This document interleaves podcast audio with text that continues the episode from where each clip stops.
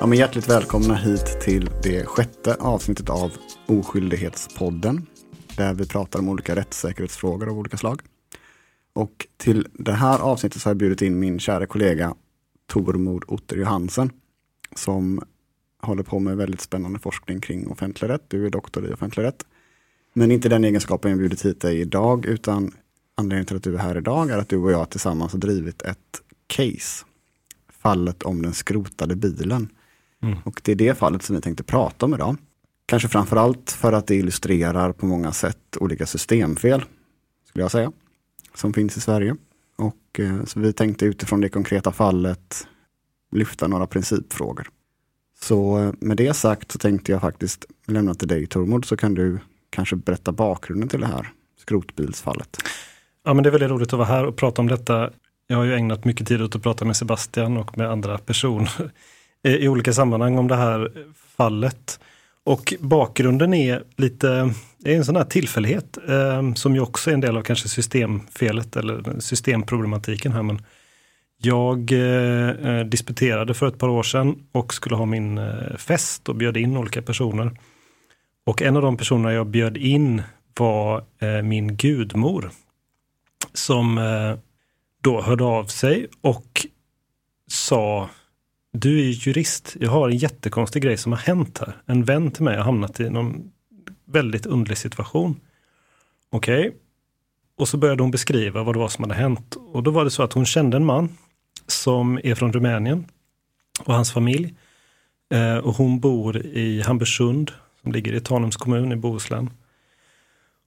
Och det hon berättade som hade hänt var att han, Robert, som han heter, att hans bil hade stått parkerad på en eh, parkering, en kommunalt ägd parkering, eh, strax innan påsk. Och plötsligt så hade han ringt till henne och sagt att bilen är borta. Den är försvunnen.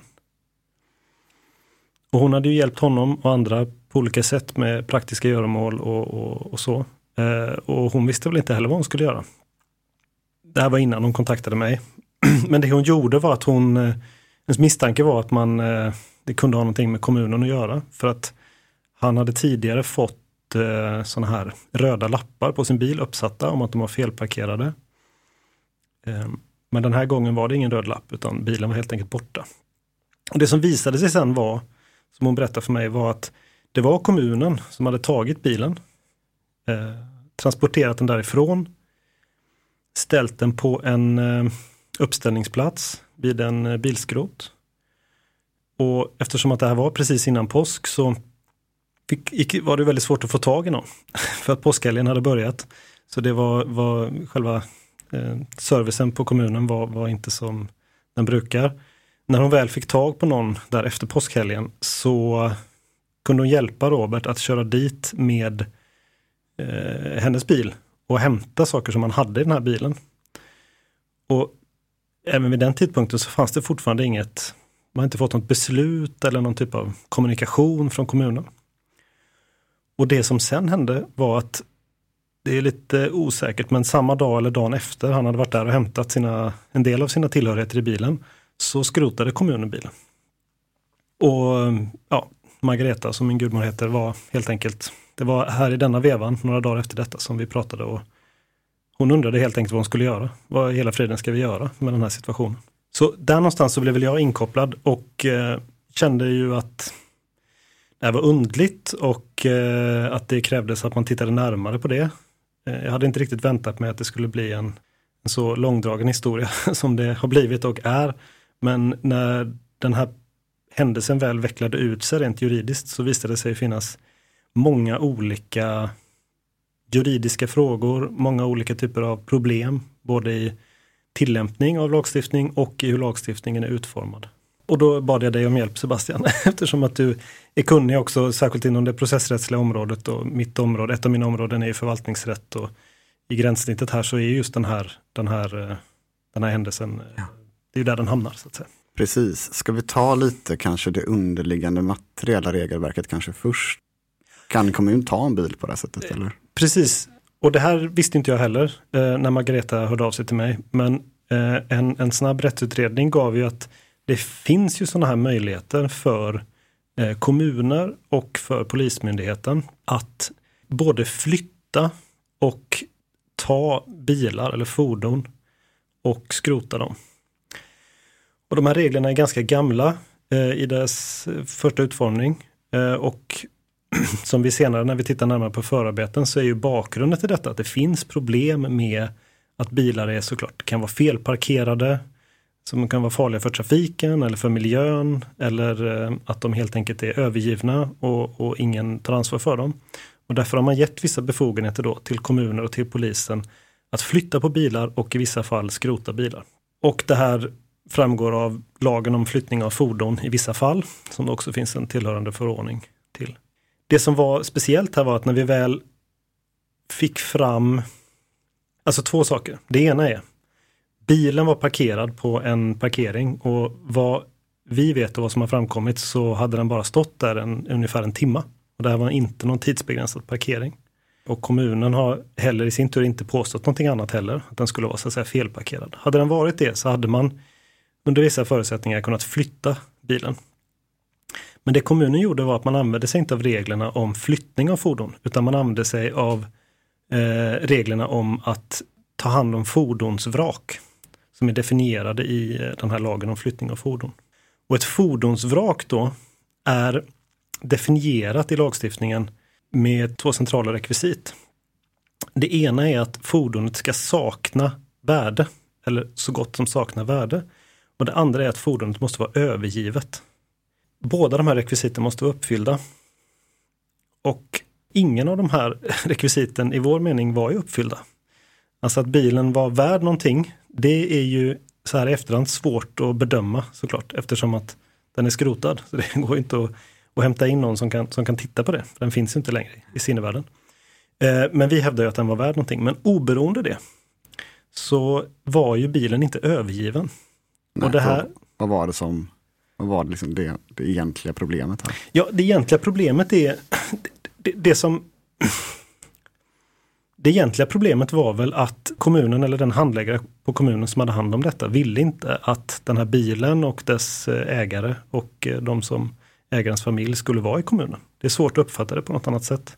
För att de bodde i bilen? Precis, för det är det som är ironiskt då att i själva protokollet som sedan upprättades, ganska kortfattat protokoll, så skriver handläggaren, beslutsfattaren i det här fallet, att de är boende i bilen. Det här är ju helt irrelevant eh, när det gäller möjligheten att använda sig om, om, om, av den här befogenheten att flytta eller skrota fordon. Men det är väldigt relevant rörande det här centrala rekvisitet kring fordonsvrak. Mm. Eftersom att ett fordonsvrak måste vara övergivet. Mm. Och en bil som någon bor i kan ju inte anses vara övergiven. Nej, per definition inte. Per definition inte. Och det framgår också tydligt när man tittar på förarbeten att vad övergiven handlar om är ju till exempel bilar som står flera år ute i skogen eller på någon, mm. någon, någon, någon, någon, plats eh, som, som bilens ägare inte, inte själv äger. Eller så. Men vilken kommun var det här? Det, var... det här var Tanums kommun. Är det inte ganska vanligt att människor bor i bilar i Tanums kommun? Jo, jag tyckte också att det var en, en av de ironiska, ytterligare ironiska eller sorgliga sakerna här. Att jag menar Tanums kommun är ju en, en kustkommun i Bohuslän och en stor del av ekonomin i eh, Tanum bygger på att människor bor i bilar, kommer dit i sina husbilar eller sina husvagnar och eh, semestrar. Så det var också svårt att tro att kommunen uppfattade just boende i sig i bilar, att man övernattar i en bil. Eh, man kan ju som bekant inte vara skriven i sin bil, så det kan inte vara det de menar. Men att man övernattar i en bil, det är generellt sett inte något problem. Men just när det gällde Robert och hans familj så var det tydligen ett eh, stort problem. Så det är väl så att säga den grundläggande lagstiftningen som användes och de befogenheter som användes. Och här är det tydligt. Jag skulle säga att nästan alla som har varit i närheten av det här fallet instämmer i att tillämpningen av lagstiftningen här var felaktig helt enkelt. Mm. Och ja, vi kommer återkomma till det, men vissa har tydligen ändrat sig på den punkten. Fram tills ganska nyligen så var alla som var i kontakt med detta, förutom möjligtvis den ursprungliga handläggaren, överens om att lagstiftningen tillämpades felaktigt i, i det här fallet. Mm, precis. Och då kan man ju fråga sig, vad gör man då? Om en kommun tar ens bil uppenbart i strid med lag, skulle jag påstå.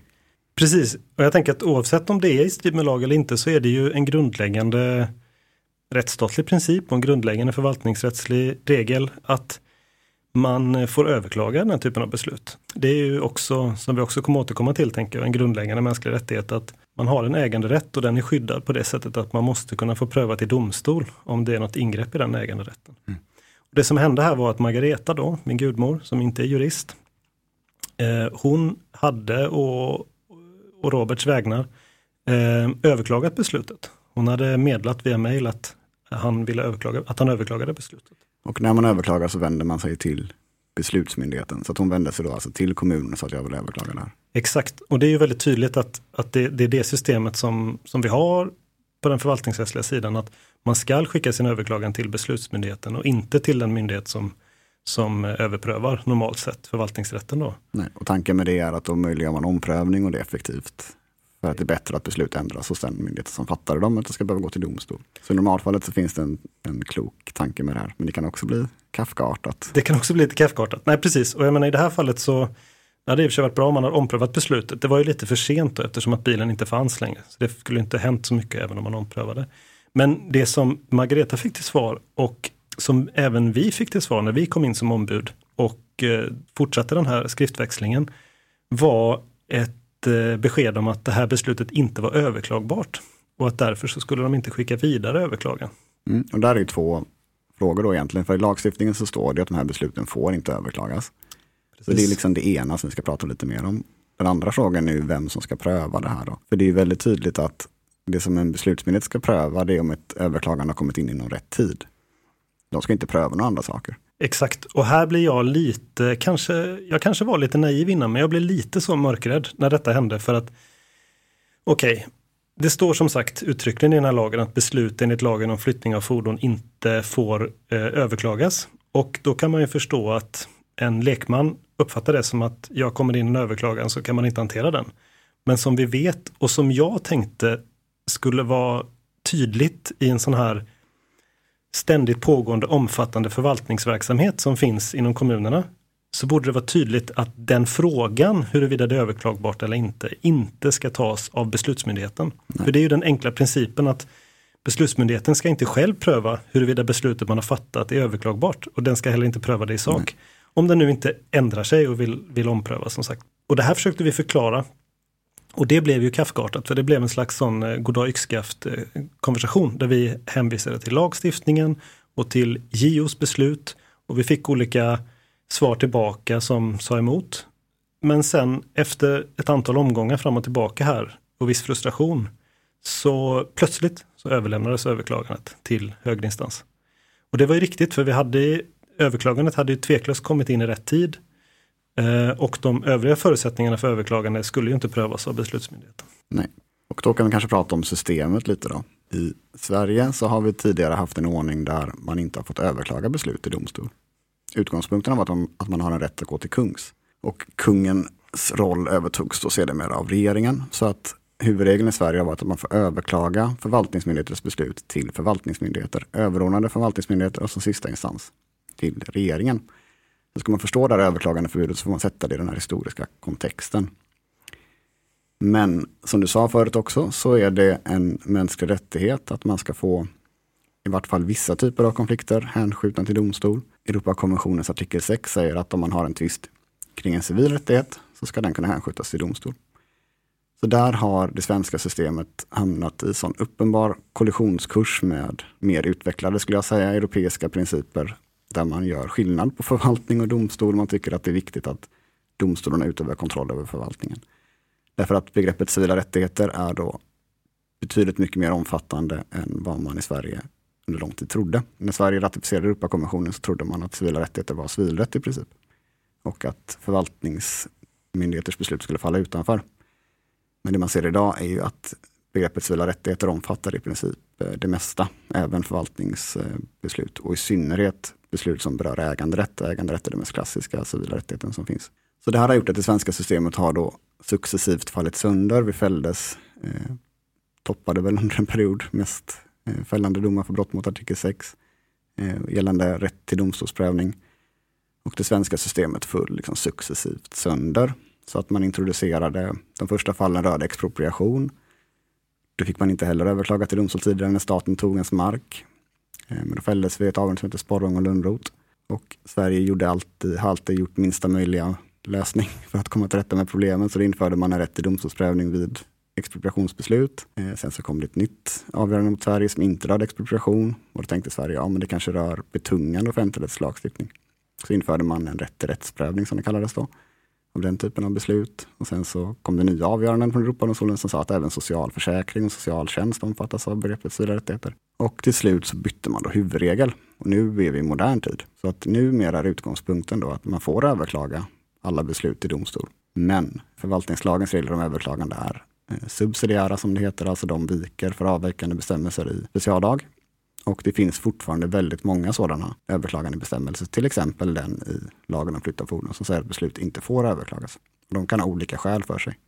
I det här fallet så vet jag inte riktigt vad logiken är, varför man inte ska få överklaga de här besluten. Effektivitetsskäl kanske. Jag tror att det, precis, det är ju intressant att se att det finns olika motiv i olika lagstiftning och det som kanske framgår, om man ska vara välvillig här mot lagstiftaren, så är det ju att i förarbetena till den här lagen om flyttning av fordon så diskuterar man ju explicit möjligheten att pröva frågan inför allmän domstol. Det vill säga, har kommunen eller polisen tagit din bil så kan du ju stämma myndigheten helt enkelt. Och på så sätt få din rätt. Men då är väl min fråga till dig Sebastian, är inte det en lösning här helt enkelt? Att man kan eh, stämma? Jo, precis. Och, och vi kanske kan återkomma till det i, när vi fick på diskussionen lite mer sen. Men man har rätt till domstolsprövning, alltså man har inte rätt till prövning i förvaltningsdomstol. Så man har rätt till prövning i någon domstol. Och här har man försvarat det här systemet med att får man sin egendom frånhänd sig av en kommun och det saknar stöd i lag, då är det liksom skadeståndsgrundande. Och då kan man på sedvanligt sätt begära skadestånd istället. Och på så sätt då tillvarata sin rätt. Men från mitt perspektiv så är det inte en tillfredsställande lösning. Det är, inte, det är inte samma sak som prövas, skulle jag säga. Överklagar man till förvaltningsdomstol, då är frågan om det var ett felaktigt beslut eller inte. Stämmer man staten eller kommunen i allmän domstol, då blir frågan, har man fattat ett så felaktigt beslut att det har varit vårdslöst fel? Du måste dessutom styrka att du har en skada. Så dels blir det en, en kulpabedömning och att fatta ett felaktigt beslut är inte vårdslöst mm. i sig. Eh, så det räcker inte med att det är ett felaktigt beslut för att man ska få skadestånd. Och tillämpar vi det här på vårt fall eh, så skulle väl jag påstå att absolut, här kan man nog kanske prata om vårdslöst beslutsfattande. För det är så uppenbart att inte ens en bil som de bor i liksom inte är övergiven. Så det är inte en bedömningsfråga utan det handlar, här handlar det om att man inte har förstått lagstiftningen. Men hur ska Robert styrka att den här bilen har ett värde när den är skrotad? Mm. Och det var ju den handläggaren som fattade beslutet om skrotning värderade också bilen till noll kronor. Precis. För att... Det gjordes ingen oberoende värdering här. Eller? Så det finns ju någon sorts värdering av bilen där den är värderad till noll kronor. Och hur ska man motbevisa det? Då? Precis, det här är ju eh, den verkligt kafkaorskade aspekten här som mm. Robert hamnar i. Till detta hör ju också att Robert själv inte pratar svenska och inte har goda förutsättningar. Och det jag inledde med att det här är en, ju en, en, en tillfällighet att vi blev inkopplade på det här fallet. Att han råkade känna någon som råkade känna mig och att jag kunde ta mig an det tillsammans med dig Sebastian.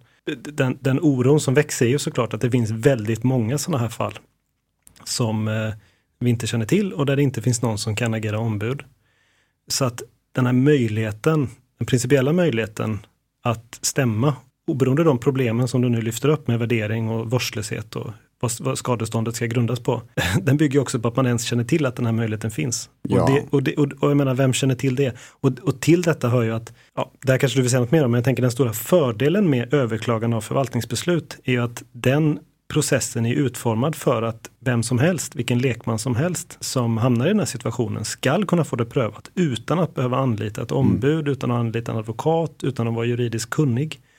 Och det som hände här var ju att man fick till svar att det går inte att överklaga och man skickar inte ens vidare eh, överklagandet. Och då är ju den enskilde i praktiken de facto väldigt rättslös. Man kan bara lägga till en sån sak som att det är gratis att överklaga till förvaltningsdomstol. Men ska du ansöka om stämning i allmän domstol så har du en ansökningsavgift som är ganska hög. Mm. Och till det kommer att du dessutom har ett kostnadsansvar om du förlorar. Ja. Så inleder man då den här processen det inte blir ett småmål, det beror ju på hur mycket man yrkar då ersättning för bilens värde. Men skulle man hamna över småmålsgränsen så skulle man dessutom stå ansvar för kommunens kostnader om man förlorar. Så det blir dessutom väldigt riskfyllt. Och det ansvaret har man ju inte i förvaltningsdomstol. Så det finns ju stora, stora fördelar att driva en sån här process i förvaltningsdomstol.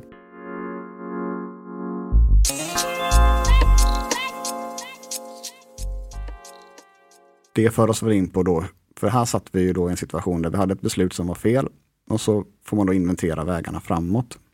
Stämning är det som, som utpekas i förarbetena. Ta, ta den här vägen om ni hamnar i den här situationen, stäm kommun och stat. Eh, något annat man kan göra är att man kan överklaga ändå.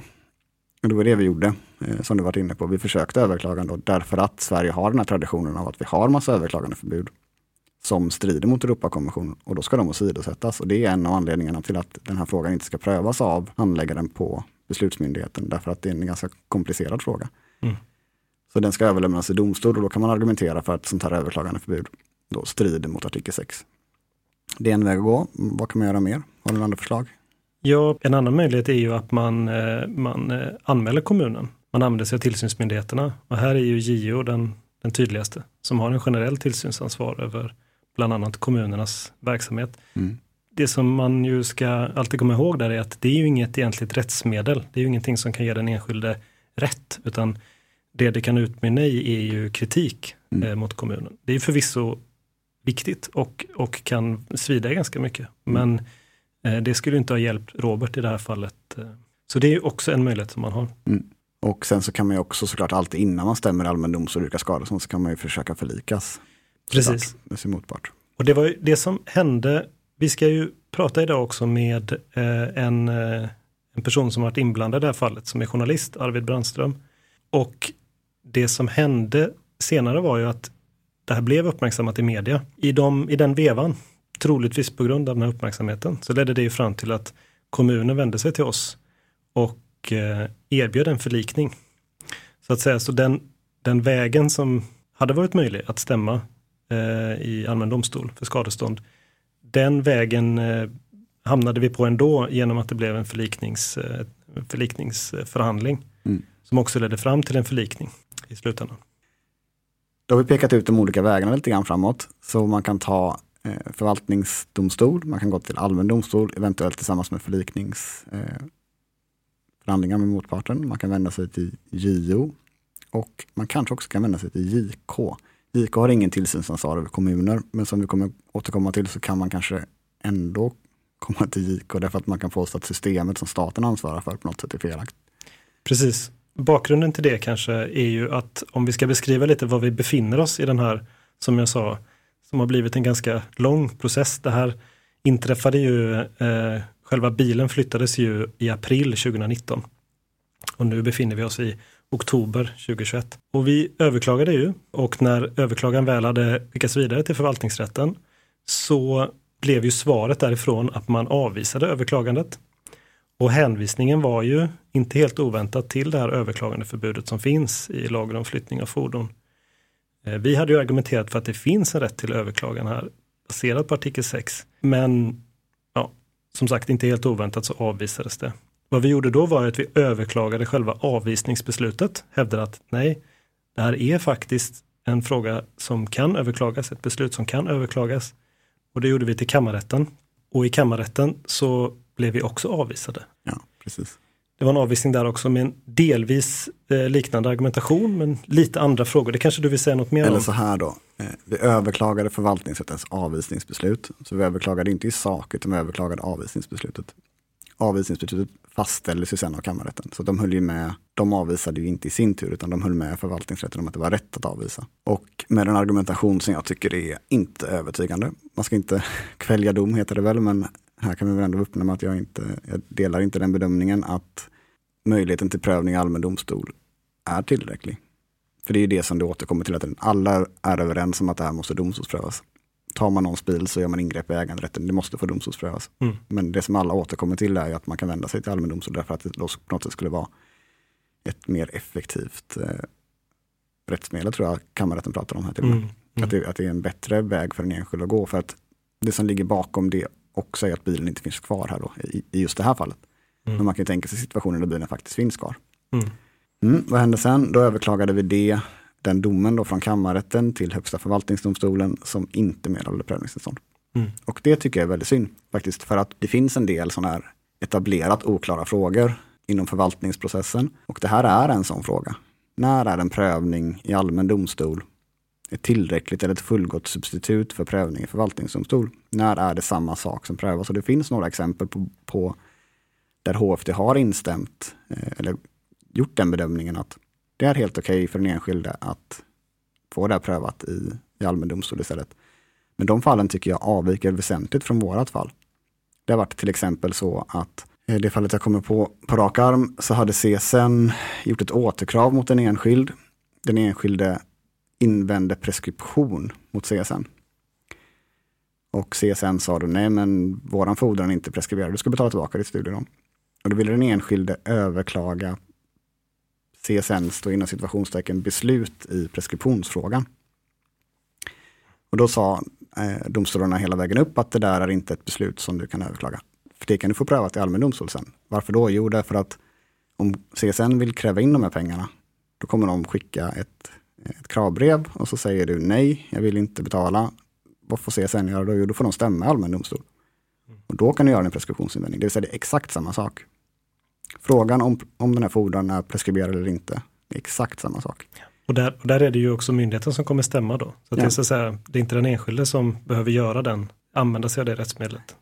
Till skillnad från i vårt fall och det jag menar att det är inte samma sak. Det som mm. prövas i en skadeståndsprocess är, är ju om kommunen har varit vållande och om det finns en skada. Men det är inte det som det här i grund och botten handlar om. Det är om det var ett felaktigt beslut eller inte. Det är det som, som Robert vill få prövat. Det här kanske för oss över då till den andra, en av de andra vägarna som, som vi kunde gå. Um, och det var ju möjligheten att anmäla till JO som vi har gjort. Och det som vi hoppas på, vi vet att JO har såklart tittat på vår anmälan och de har också skickat frågor till kommunen. Så det har varit kristväxling där. Så vi inväntar med spänning att det kommer något uttalande från JO. Mm. Och där, vi tog upp flera av de här handläggningsfelen, bristerna som vi såg i handläggningen. Men vi tog också upp frågan om den här uppenbart felaktiga rättstillämpningen som vi menar att det är. Vi hoppas att JO ska titta på det. Um, så att det, det inväntar vi fortfarande. Mm. Så förvaltningsprocessspåret tömde vi ut, där, ja. där, där vann vi inte framgång. JO-prövningen pågår just nu. Och sen har vi då den civilrättsliga vägen. Ja. Och som vi sa så kommunen vände sig till oss eh, som ombud för Robert och ville eh, komma till en förlikning i själva den civilrättsliga frågan. Och vi förde en sån förhandling som sedermera ledde fram till en, en förlikning. Ett, ett skadestånd utbetalades och dessutom en offentlig ursäkt vänd till Robert för den här felaktiga hanteringen. Och det här följde på att, man, att kommunen hade, eh, som inte själv har någon, vad det verkar, juridisk expertis internt, använde sig av en advokatbyrå. Som de också hade gett i uppdrag att titta på den här tillämpningen. Efter att vi hade påbörjat överklagandeprocessen. överklagande processen. Och glädjande nog så kom ju den här, de här juristerna på advokatbyrån fram till samma sak som vi, nämligen att det var felaktig rättstillämpning, att handläggningen hade brister och så. Och sen så förde vi den här eh, förhandlingen. Det som var frustrerande i den var att man också ville att vi skulle dra tillbaks överklagandet, den som ju då pågick, den här prövningen vi ville få till. Och där kan man väl säga det att man får tänka på att, att vi drev den här överklagandeärendet även efter att vi hade kommit till en förlikning. handlar ju om att det fanns, som du har sagt Sebastian, två olika saker vi tyckte skulle prövas. Men det fanns också en skillnad på att upprätta Robert i, i det här specifika fallet, som är ett intresse som är viktigt, som vi såklart som ombud för honom behöver skydda. Men det finns ju också ett intresse av att rättstillämpningen blir bättre i framtiden. Mm. Och det är det som är poängen med att få till prejudikat. Och eftersom att vi menade att det var olika saker, den här civilrättsliga skadeståndsrättsliga frågan och den förvaltningsrättsliga frågan om beslutet, så menade vi ju, hävdade starkt att därför behövde den här överklagande förvaltningsrättsliga gången fortsätta mm. så att den frågan kunde prövas. Och ett argument för det var ju också att kommunen höll ju med oss om att det var felaktigt. Vi menar att de också hade ett intresse av att den här saken prövades i högre instans. Predikatsfrågan i HFT var ju då huruvida sånt här överklagandeförbud kunde upprätthållas eller inte. Mm. Alltså om man har rätt att få det här domstolsprövat eller inte. Så att när det här befann sig i HFT så var ju inte frågan om det var rätt att skrota bilen eller inte. Den, den, frågan hade inte ens tagits in i domstol då. Exakt. Och där hade vi som sagt då eh, oturen att inte, vi inte fick något prövningstillstånd helt enkelt.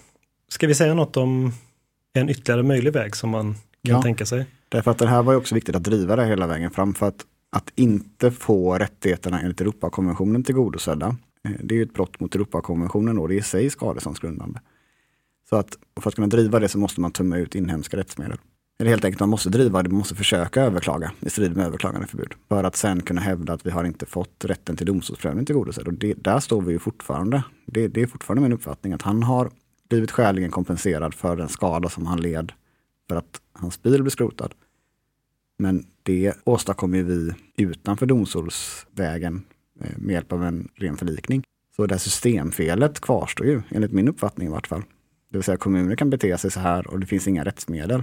Mm. Förutom att stämma i allmän domstol. Vilket jag inte menar är ett, ett effektivt rättsmedel i en sån här situation. Och då utifrån det så kan man ju då hävda att eh, det finns fortfarande en, en olöst fråga här, nämligen om man har rätt till domstolsprövning eller inte. Och utifrån argumentationen att det har han enligt Europakonventionen, fast om man inte har fått tillgodosedd i det här fallet. Så det bästa vore om HF hade sagt att en sån här överklagande regel ska åsidosättas. Då hade man öppnat upp för överprövning. Men nu när de stängde den, eller inte prövade den frågan, så kan man ju driva det här istället som ett brott mot Europakonventionen. Och då vänder man sig i första hand till JK. Och då är det inte längre kommunen som är motpart, för det är inte kommunen som ansvarar för lagstiftningen, utan då är det staten som är motpart nu. Mm. Och om JK säger nej så får man så fall stämma i allmän domstol. Men då är inte, vi sortera frågorna, då är inte den frågan som då ska prövas i en sån process hur det är rätt att skrota bilen eller inte, utan om det är rätt av Sverige att ha överklagandeförbud. Mm. Så då blir staten motpart i den processen. Och sen så kan man ta det till Europadomstolen om man vill. Precis, så den yttersta så säga, instansen man skulle kunna komma till är Europadomstolen här.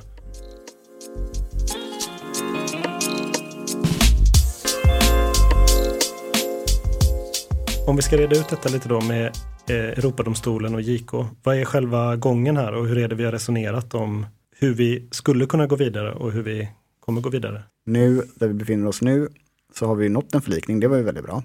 Men frågan om eh, rätt till domstolsprövning är fortfarande öppen. Och då tänker jag rent strategiskt att man ska invänta JOs bedömning nu. Och sen överväga att ta det få den frågan prövad om det här är ett brott mot Europakonventionen eller inte, att man inte kan få det här domstolsprövat. Och då är det väl lämpligt att, att börja med JK. Så att man inte väcker en skadeståndstalan, utan man, man försöker använda den frivilliga skaderegleringen som staten har. Det är ju enklare och mer informellt och kostnadsfritt för alla inblandade parter. Så att man börjar hos IK. Får man nej hos IK så kan man ju då väcka talan i allmän domstol istället. Leder inte det någonstans så står ju vägen till Europadomstolen öppen. Och där är det väl så att man eh, i princip skulle man väl kunna stämma Sverige inför Europadomstolen nu, men mm. själva idén med hela systemet kring Europakonventionen är ju att det ska hanteras internt av ja. medlemsstaterna i Europarådet. Ja. Och, och eh, jag menar, en, en spelare här, eller man ska säga, en aktör här som vi inte har pratat om är ju lagstiftaren. Mm. För att det hänger ihop med det som du pratade om tidigare Sebastian, att bakom detta ligger ju att även om huvudregeln har förändrats och huvudregeln är att förvaltningsbeslut får överklagas, så kvarstår alla de här överklagande förbuden. Och det är inte som att man är omedveten om detta från lagstiftarens sida, utan det svårt att tolka det på något annat sätt än att man medvetet undanhåller ganska stor mängd förvaltningsbeslut från möjligheten att överklaga mm. av olika skäl. Och det är som vi väl har visat tydligt här under den här diskussionen en ganska krånglig process. Eh, och det visar ju också de här historiska exemplen, att eh, försöka vända på det. Mm. Så att det bästa hade ju varit här också om lagstiftaren tog tag i detta på ett mer genomgripande sätt.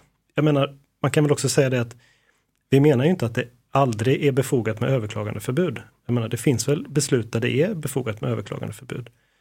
Men det är ju anmärkningsvärt att i ett sånt här typ av beslut som är så väldigt genomgripande och som ingriper på en sån central rättighet som äganderätten och som dessutom i det här fallet vet vi haft stor betydelse för den enskilde att man inte då har någon möjlighet att överklaga är ju, jag, tycker det är ganska stötande faktiskt att det eh, ser ut på det sättet. Ja, verkligen. Och särskilt i ljuset av den här historiska utvecklingen tycker jag att det är sätter verkligen fingret på, det är ju 50-60 år av utveckling vi pratar om nu. Alltså de första domarna kom ju för många decennier sedan. Och att man från lagstiftarens sida hela tiden gör minsta möjliga lösning som alltid visar sig vara otillräcklig. Och så gör man en lösning till och så gör man en lösning till och fortsätter fällas eh, av Europadomstolen. Och det finns ju domar mot Sverige nu som handlar om att okej, okay, nu har du visserligen en teoretisk rätt till domstolsprövning därför att om du har en civil rättighet eh, så får du överklaga eh, och Europakonventionens rätt till domstolsprövning ska då trumfa svensk lag. Så då ska domstolar åsidosätta svensk lag. Men att det systemet är så komplicerat att, att Europadomstolen har bedömt det som illusoriskt. Det vill säga du som enskild ska själv veta om att det som står i lagen inte alltid gäller. Det är en, för mig en helt barock ordning. Och här är det väl, här är det väl lustigt, eller det är inte särskilt lustigt, men det är liksom också värt att tänka på att eh, i den nya förvaltningslagen sedan 2017 så har man tagit bort den explicita hänvisningen som Mm. hade införts, som säger att i de fall som det finns en civil rättighet så kan man få överklaga, trots att det finns ett uttryckligt överklagandeförbud. Mm. Ja, Formuleringen är inte sådan, men det var det som var innebörden.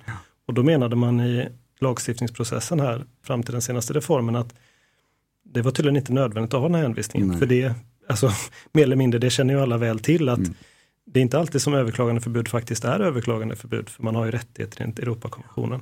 Och jag tänker att vårt fall här visar tydligt att det är inte alls är uppenbart och att även om det är så i princip så är vägen väldigt lång och svår fram till att man får den, den rättigheten uppfylld. Precis, för man ska då först själv känna till att om man har en civil rättighet så har man rätt till domstolsprövning oavsett vad som står i svensk lag.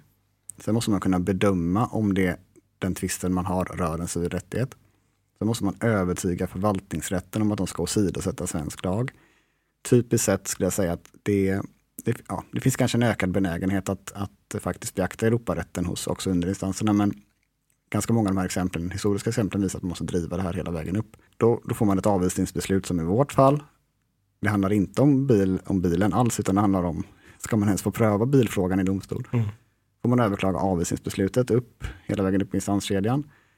För att till slut då förhoppningsvis få kanske kammarrätten eller HFT att säga att ja, men det här överklagandeförbudet ska åsidosättas.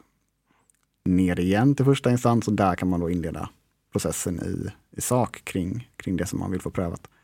Vilket ju kan ta många år bara det. Och det är liksom det systemet vi har nu. Det här förutsätter man av människor utan juridisk kompetens. För att man får inte heller advokathjälp i förvaltningsmål för att det är så enkelt. Precis. Eh, exakt. Jag funderar på om vi ska gå in på den frågan lite. Eh, om, om så att säga våran roll i detta. Och hur Mm. vi, eh, ja, att vi tog oss an detta och vad vi tänker kring det. För jag Mm. menar, vi har spenderat ganska många timmar på att både knäcka de juridiska frågorna här och ja, driva själva, själva ärendet och överklagandena och skriva anmälningar och så. Jag tänker eh, för min del, som att säga första länken in av oss som är här nu. Jag blev ju väldigt berörd av det här fallet eh, när, det, när jag fick höra om det. Och så kände jag ju som i, till vardags inte är, är, är liksom praktiserande jurist i den meningen att jag, att jag arbetar på någon advokatbyrå eller myndighet eller i domstol, utan jag är ju forskare och rättsvetare och eh, sitter på mitt kontor och läser och skriver.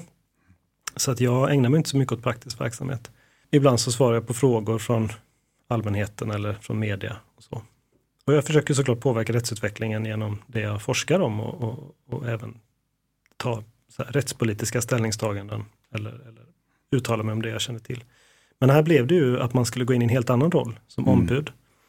Ehm, och jag tänker att jag gjorde det för att det kändes som att det både var ett ömmande fall, men jag ska vara helt ärlig med att det också handlar om att det är en intressant och viktig, spännande rättsfråga som man kunde engagera sig i. Mm. Så kombinationen här ledde ju till att jag, jag kände att jag ville ta på, mig, ta på mig det här arbetet och eh, ägna vad som blev ganska mycket tid åt det.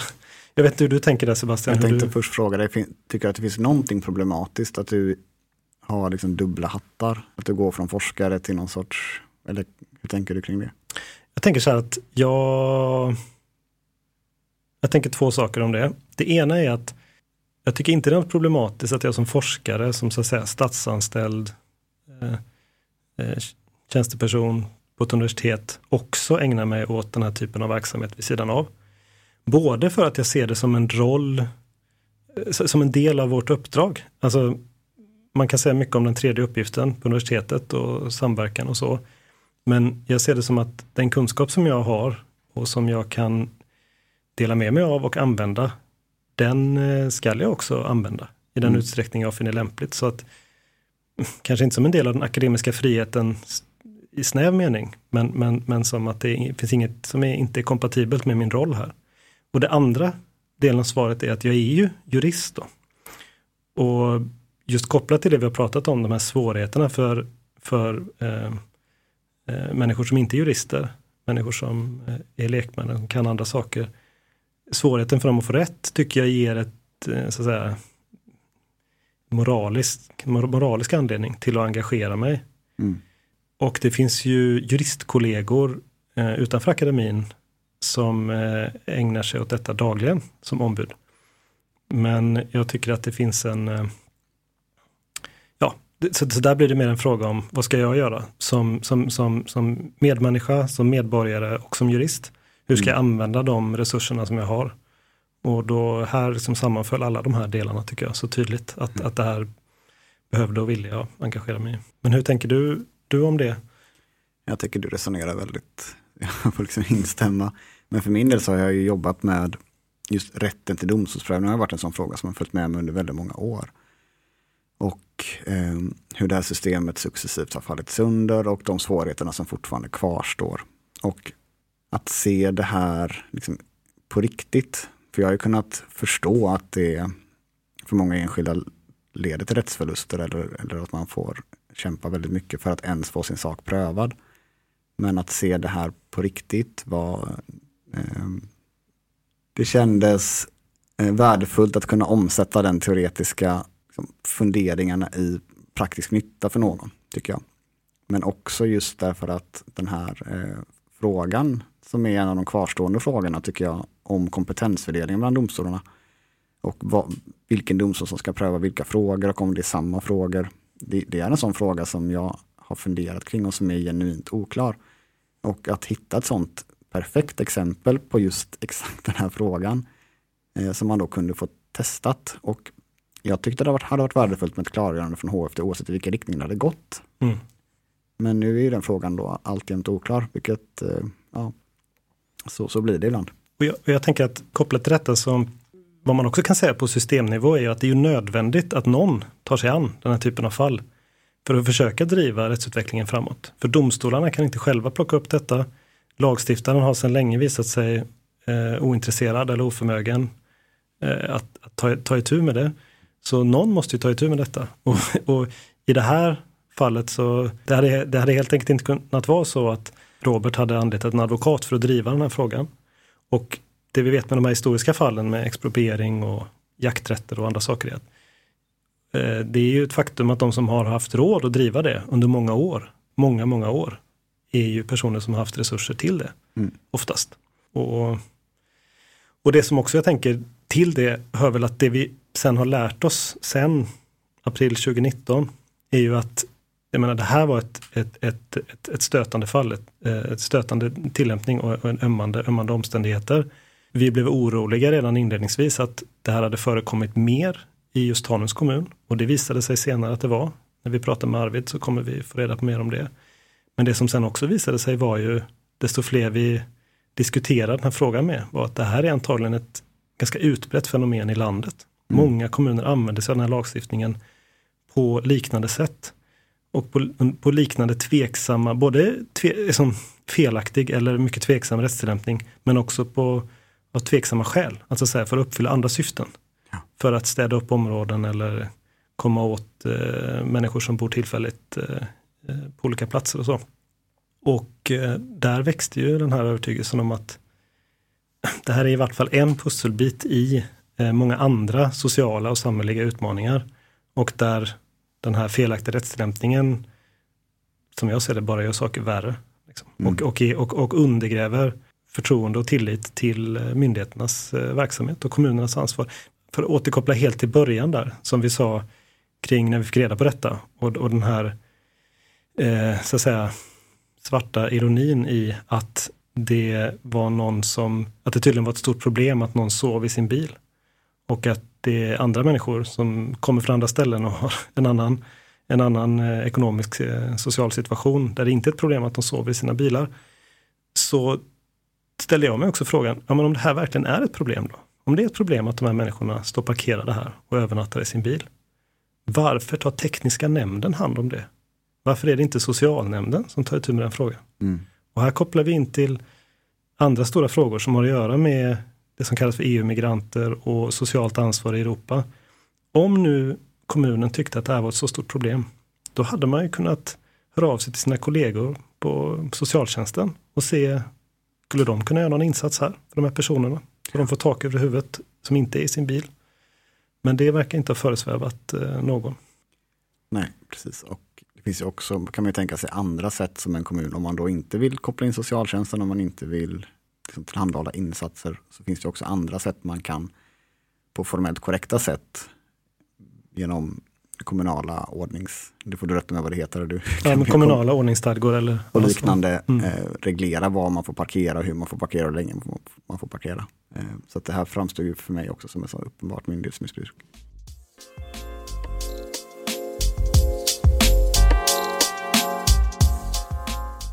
Nu har vi med oss Arvid Brandström som är journalist på Strömstad-Tidningen och som vi eh, under den här processen kom i kontakt med. Och vi tänkte prata med dig Arvid lite om ja, vad, vad, vad, som har hänt från ditt perspektiv, vad din roll har varit och vad medias roll är mer generellt i den här typen av fall. Så jag tänkte om du bara kan säga ja, kort kanske vem du är och hur du, hur du kom i kontakt med det här, eh, den skrotade bilen och Roberts eh, fall från början. Ja, precis. Jag var ganska så nybakad journalist och egentligen var mitt första journalistjobb som jag fick här på Strömstads tidning då. Och eh, fick eh, uppdrag som Tanumsreporter, alltså lokalreporter som skulle bevaka Tanums kommun. Eh, men jag har aldrig bott i den kommunen och hade inte så himla bra kännedom vilket innebar att jag fick hämta en stor del av nyheterna från diariet alltså kommunens postlistor och sådär. Och det var genom eh, en av de här postlistorna som eh, där ja, alla kommunens ärenden kommer in som jag eh, reagerade på en rubrik då som ja, handlar om den här skrotade bilen. Jag tror det hette överklagan av skrotning av fordon, någonting i den stilen. Mm. Jag begärde ut handlingarna som rörde det här ärendet då så då, då stötte du alltså på det efter att jag och Sebastian hade varit inkopplade och, och drivit den här processen ett tag och skriftväxlat med kommunen? Ja, precis. Det uppstår en nyfikenhet i mig i alla fall att vilja gå vidare med det. Ja, men det är jättespännande. Vi har beskrivit då lite från vårt säga, processperspektiv eller hur vi har drivit det här fallet i olika, olika forum. Men kan du beskriva lite vad, liksom övergripande, hur, hur, hur det har gått till när du har bevakat det här och kommunens eh, agerande här. Vad var det, vad var så att säga, vad hände när du började nysta i, i vad kommunen hade gjort? Det som, eh, som jag först reagerade väldigt starkt på det var just att de hade skrotat bilen. Det var det som jag inte riktigt kunde, kunde koppla ihop där. Att så här, att jag tänkte om, om, okay, om de hade liksom varit missnöjda med parkeringen eller så, att man forslar bort bilen men att man går så långt att man skrotar den när de då uppenbarligen visste att, att personen bodde i den. I rollen som journalist så kändes det kanske viktigt att samla ihop så mycket information som möjligt innan jag tog kontakt med kommunen. Mm. Eh, vilket gjorde att jag ju kontaktade er och eh, jag kontaktade också eh, Diana Dimitrius ombud i Hamburgsund mm. som ni har. Margareta. Ja, Margareta. Margareta ja, precis. Mm. ja, precis. Och så att jag kunde få ja, en någorlunda klar bild över vad som hade hänt innan jag kunde liksom ta kontakt med kommunen.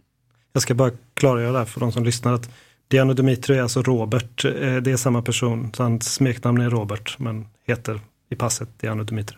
Men detta ledde ju fram till att du vände dig till, eh, till kommunen och försökte få svar på vad som hade hänt. Vad var, liksom, vad var det för svar du fick därifrån? Ja, precis. Jag hörde av mig först då till handläggaren och, eh, och då träffade henne. Och det är jag eh, så här i efterhand lite förvånad över att jag fick till den där träffen. Att jag kunde sitta där på hennes kontor och eh, hon berättade ju väldigt öppet om hur hon hade resonerat och hur hon tänkte och varför hon tyckte att det där var ett rätt beslut och sådär. Kan du säga lite om det? För att vi har inte pratat så mycket om det, men vad var, liksom, vad var, vad var ditt intryck av, av hur hon motiverade, hur hon hade agerat? Eh, mitt intryck var att hon var väldigt övertygad om att hon hade gjort rätt. Att det, det rådde inga tvivel i henne där. Och att det var väl den, eh, på något sätt, att, att jag som journalist eh, hade användning av den övertygelsen, om man kan säga så. Mm. Att eh, hade hon tvivlat och eh, varit mer osäker så tror jag inte att hon hade velat berätta. Men eh, i och med att hon var i, i, fortfarande i kraft av sin övertygelse. Så eh, berättade hon ja, väldigt öppet för mig då hur, hur hon tänkte på saken. Just det, det är väldigt spännande. För det, det, det var min upplevelse också när jag såg eh, så att säga, det som du sen publicerade, hennes svar. Att hon var förvånansvärt uppriktig. Men jag tänker att en sak som vi bara också lite grann har pratat om här innan vi ringde dig var ju att det här enskilda fallet är ju inbäddat i någon större problematik. Och där har vi pratat både om den så att säga, rättsliga problematiken men det finns ju också en slags samhällelig problematik. Och som jag minns det från din artikel så visade det sig också, eller det så att säga skymta fram att, att, att det, det var någon slags särbehandling som försiggick här. Det, var det ditt intryck också eller är det en övertolkning av det du publicerade? Mm, nej, utan hon, hon sa ju då, alltså hon kallade det här för, för klientelet.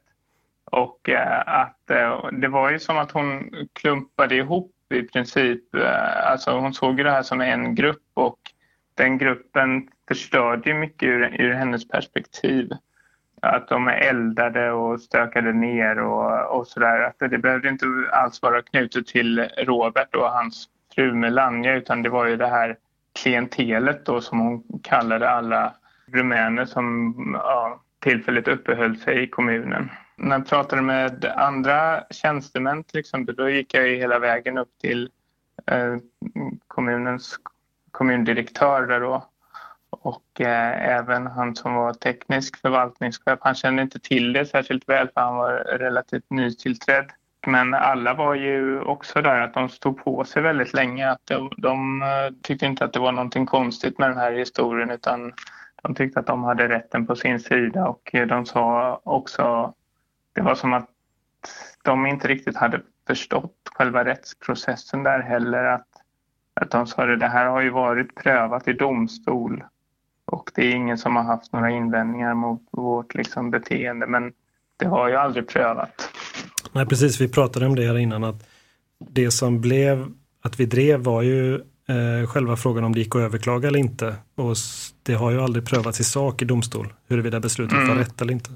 Men jag minns också mm. att det fick just den effekten att det faktum att förvaltningsrätten då avvisade överklagande tolkades som att de hade gjort rätt i sak. Mm. Jag, jag, minns just den twisten. Mm. Där var väl, ja, precis. Jag tänker att det hade ju även, om man ska vara ärlig, det hade ju vi, jag och Sebastian och du Arvid, eh, diskussioner om det också, försöka bena ut det. Jag menar det var svårt nog för oss att få grepp om och eh, det var ju också en utmaning för dig, tänker jag, beskriva det i ganska kortfattad journalistisk text, att det blev förståeligt för läsarna. Att det här var ja, två olika saker så att säga. Ja, absolut. Och det där är ju alltid en, alltså, en svårighet som, som journalist, att man ska berätta någonting. Alltså, det ska ju vara så enkelt och begripligt som möjligt och oftast ganska kort liksom, eller litet spaltutrymme. Men, eh, men eh, det gick ju bra i alla fall. Det var ju en historia som bevisligen upprörde läsarna väldigt mycket. Precis, för att jag tänker att det blev ju uppmärksamhet när du publicerade de här artiklarna, men sen så kan du säga något mer om hur kommunen, alltså ja. hur man fortsatte sen i sitt agerande eller hur man tog hand om det här? Det som var, det rådde ju väldigt, väldigt stor oenighet inom politiken. Att äh, Socialdemokraterna, de var förfärade av den här historien. De gick ut, det var ganska högt tonläge där också, att de, de jämförde det här med äh, förföljelser av judar och sånt på 30-talet. Alltså att det var de skrädde inte orden så sätt. Mm. Och det tror jag också att det skapade ju mycket liksom, debatt inom politiken. För jag tänker att det är ju en aspekt här också, detta eh, att vi har en handläggare som arbetar inom den kommunala förvaltningen och där finns det en, en som chefsnivåer ovanför den personen. Men sen har vi också kommunen som en politiskt ledd organisation som, som gör själva tanken. Och det du beskriver här, Socialdemokraterna var en röst och så fanns det andra partier som hade någon annan uppfattning om, om, om hur det hade gått till. Men sen så blev det också en, eh, en eh, Sen så vände väl vindarna något, eller det blev en annan, annat ljud i skällan från, även från majoriteten, eller var det så du upplevde det? Jag tänker när advokatbyrån blev inkopplad och man började titta närmare på det. Ja, det där vet jag inte egentligen hur det, hur det gick till. Men jag vet att, det var, att de beställde en, en juridisk granskning av mm. förfarandet. Och den juridiska granskningen, jag tror att det var tekniska förvaltningen som beställde den. Mm. Att det var från, men det var säkert just för att, att det var en debatt inom politiken som föranledde det. Men eh, det var väl där då när den här advokatbyrån blev inkopplad och, eh, och de gjorde den här juridiska granskningen då som visade på att eh, de, att de hade, gjorde fel i sak när de agerade som de gjorde. Mm. Jag tänkte innan vi kommer in på att prata mer om, eh, jag är väldigt nyfiken på hur du tänker kring din roll generellt kring detta, men jag funderar också på utvecklingen bara för att det vi sa här innan vi ringde dig var ju att där vi står nu är ju att vi har en eh, JO-anmälan som är inne och som JO har plockat upp och eh, tagit itu med och vi hoppas det kommer ett, eh, ett utlåtande snart. Det vi blev lite förvånade över i den skriftväxlingen, för vi gjorde ju anmälan, var att man skickade frågor till kommunen och svaren från kommunen det här är ju då ganska långt efter att vi hade kommit fram till den här förlikningen och, och, och kommunen hade erkänt att man gjort fel och till och med bett om ursäkt så hade man nu vänt på, alltså man, man ändrat sig helt enkelt. Och det fanns även ett bifogat PM från den här anlitade, samma anlitade advokatbyrå som hävdade nu att man hade gjort helt rätt i sin hantering av, av den här skrotningen. Kan du säga något om varför du tror att det har blivit på det sättet eller vad som har hänt där egentligen? Ja, jag vet inte faktiskt. Jag eh, sökte då, alltså det var tekniska nämnden i Tanums kommun som eh, fick det här på sitt bord och de skulle då godkänna det här utlåtandet från advokatbyrån, vilket de ju gjorde. Det var visserligen lite diskussion där också. Eh, ganska så, så ja, het debatt här inne i tekniska nämnden för det var likadant då att Socialdemokraterna tyckte att det var helt förfärligt att man kunde godkänna ett sånt här utlåtande. Mm.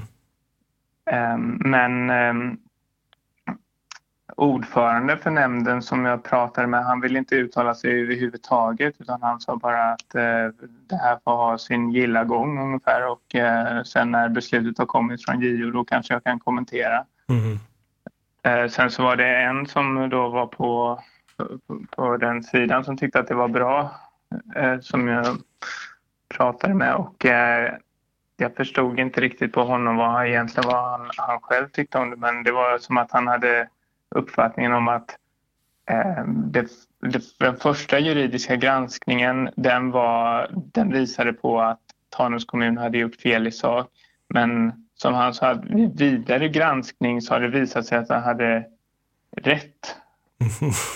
Ja, för jag menar, ja, det här, vi ska kanske inte gå in på det i detalj, men det som är lite förvånande är att den här juridiska granskningen har ju lett till två olika PM som säger helt motsatta saker. Det första, vad vi kunde se, höll ju helt med oss om att det var felaktig rättstillämpning och fel i handläggningen. Medan den andra mm. säger att det var korrekt rättstillämpning eh, och inga egentliga fel i handläggningen. Så, ja, men du, du kanske inte har något mer, du vet inte mer än oss om varför, varför man har ändrat sig där helt enkelt. Nej, precis. Jag, jag blev väldigt förvånad när jag, när jag läste det här andra utlåtandet måste jag säga. För att eh, då så var det så här, jaha okej då ska vi ta det här en vända till nu liksom att eh, har ni ändrat er nu? Ja, så att, eh, nej, det var, de får svara på det i sinom tid helt enkelt. Mm. Men vi kanske ska gå över då till att prata lite om den granskningen du har gjort har varit eh, värdefull inte bara för att den har eh, visat på felaktigheter utan också för att den har indirekt påverkat ja, processen helt enkelt. Vad tänker du på som din roll där som en representant för den fjärde statsmakten i, i, i sådana här fall? Ja, det är, det är svårt att, att, säga det. Jag hade nog inte riktigt räknat med att det skulle få ett sådant genomslag som det fick.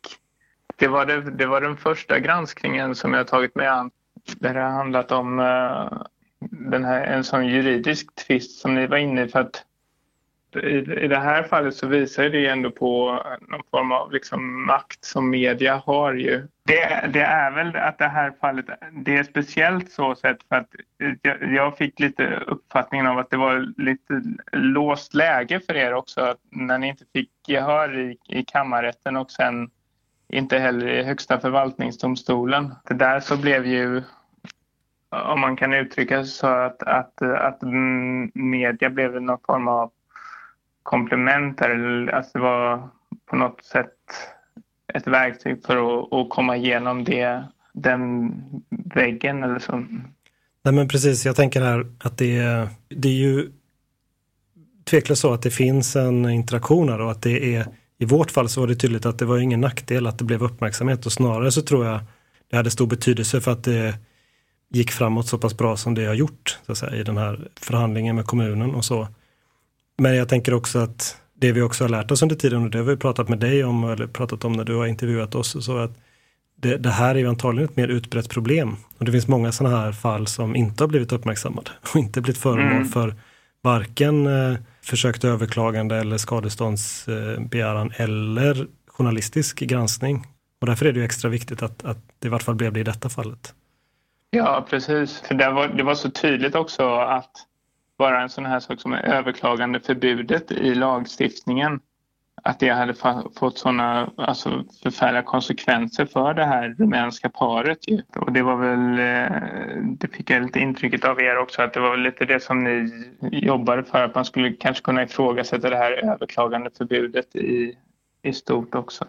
Ja, precis. Det är ju den här mer större frågan utöver det enskilda fallet där vi ju ännu inte haft så stor framgång då, men vi fortsätter försöka uppmärksamma detta. Du fick ju till och med nationell uppmärksamhet och blev nominerad till ett grävpris. Så att det fick ju mm. verkligen stort genomslag på det sättet.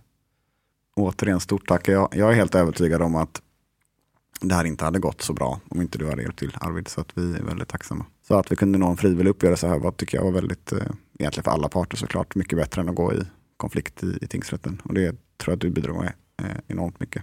Så stort tack. Ja, vad roligt. Det känns eh, jättefint att höra. Och eh, stort tack för att ni var så behjälpliga genom eh, min process. Det var jätteviktigt att ha den kontakten med er bara för att förstå. Ni fick ju lägga lite tid på att få mig att förstå bara hur liksom, vad som var grejen med själva processen och sånt där. Det var en, en ny värld för mig att sätta mig in i. Nej, men jag tänker det, det, det är ju det blir ju där, det, det, är väl det som är, det är kanske det som är samverkan då. Mm. För oss, alltså som vi som både är, är forskare och, på universitetet men också är jurister och, och, och, du som journalist, att vi, vi behöver ju göra det i praktiken. Tillsammans. Behöv, tillsammans, alla behövs här för att det ska kunna, rättsutvecklingen och den samhälleliga utvecklingen ska gå i rätt riktning. Ja, och ska man knyta an till Oskyldighetspodden och Oskyldighetsprojektet så ser man också det i många av de här framgångsrika resningsärenden, att det är sällan en jurist själv eller sällan en journalist själv, utan det är ofta i den här samverkan som, som man faktiskt kan eh, driva på saker. Så att jag tror att det utbytet är väldigt värdefullt. Tusen tack Arvid och eh, vi ser fram emot att följa eh, rapporteringen i Strömstad-tidningen eh, framöver också. Ja, ja, vad kul. Tusen tack för att jag fick vara med. Ja, tack snälla. Mm. Och med det så kanske vi har nått punkt i den här diskussionen. Jag tyckte det var, jag ska säga tack till dig också Tormod. Ja, tack så mycket att jag fick komma. Du var ju programlett lite grann här idag, jag tyckte du har skött dig själv. Jag tänker att vi har jobbat som vi brukar, att vi har någon slags växel, växelverkan här, växelbruk. Men en naturbegåvning ska jag säga att du är. Så stort tack för att du ville gästa oss och eh, hoppas att du kommer tillbaka och prata om andra spännande ämnen framöver.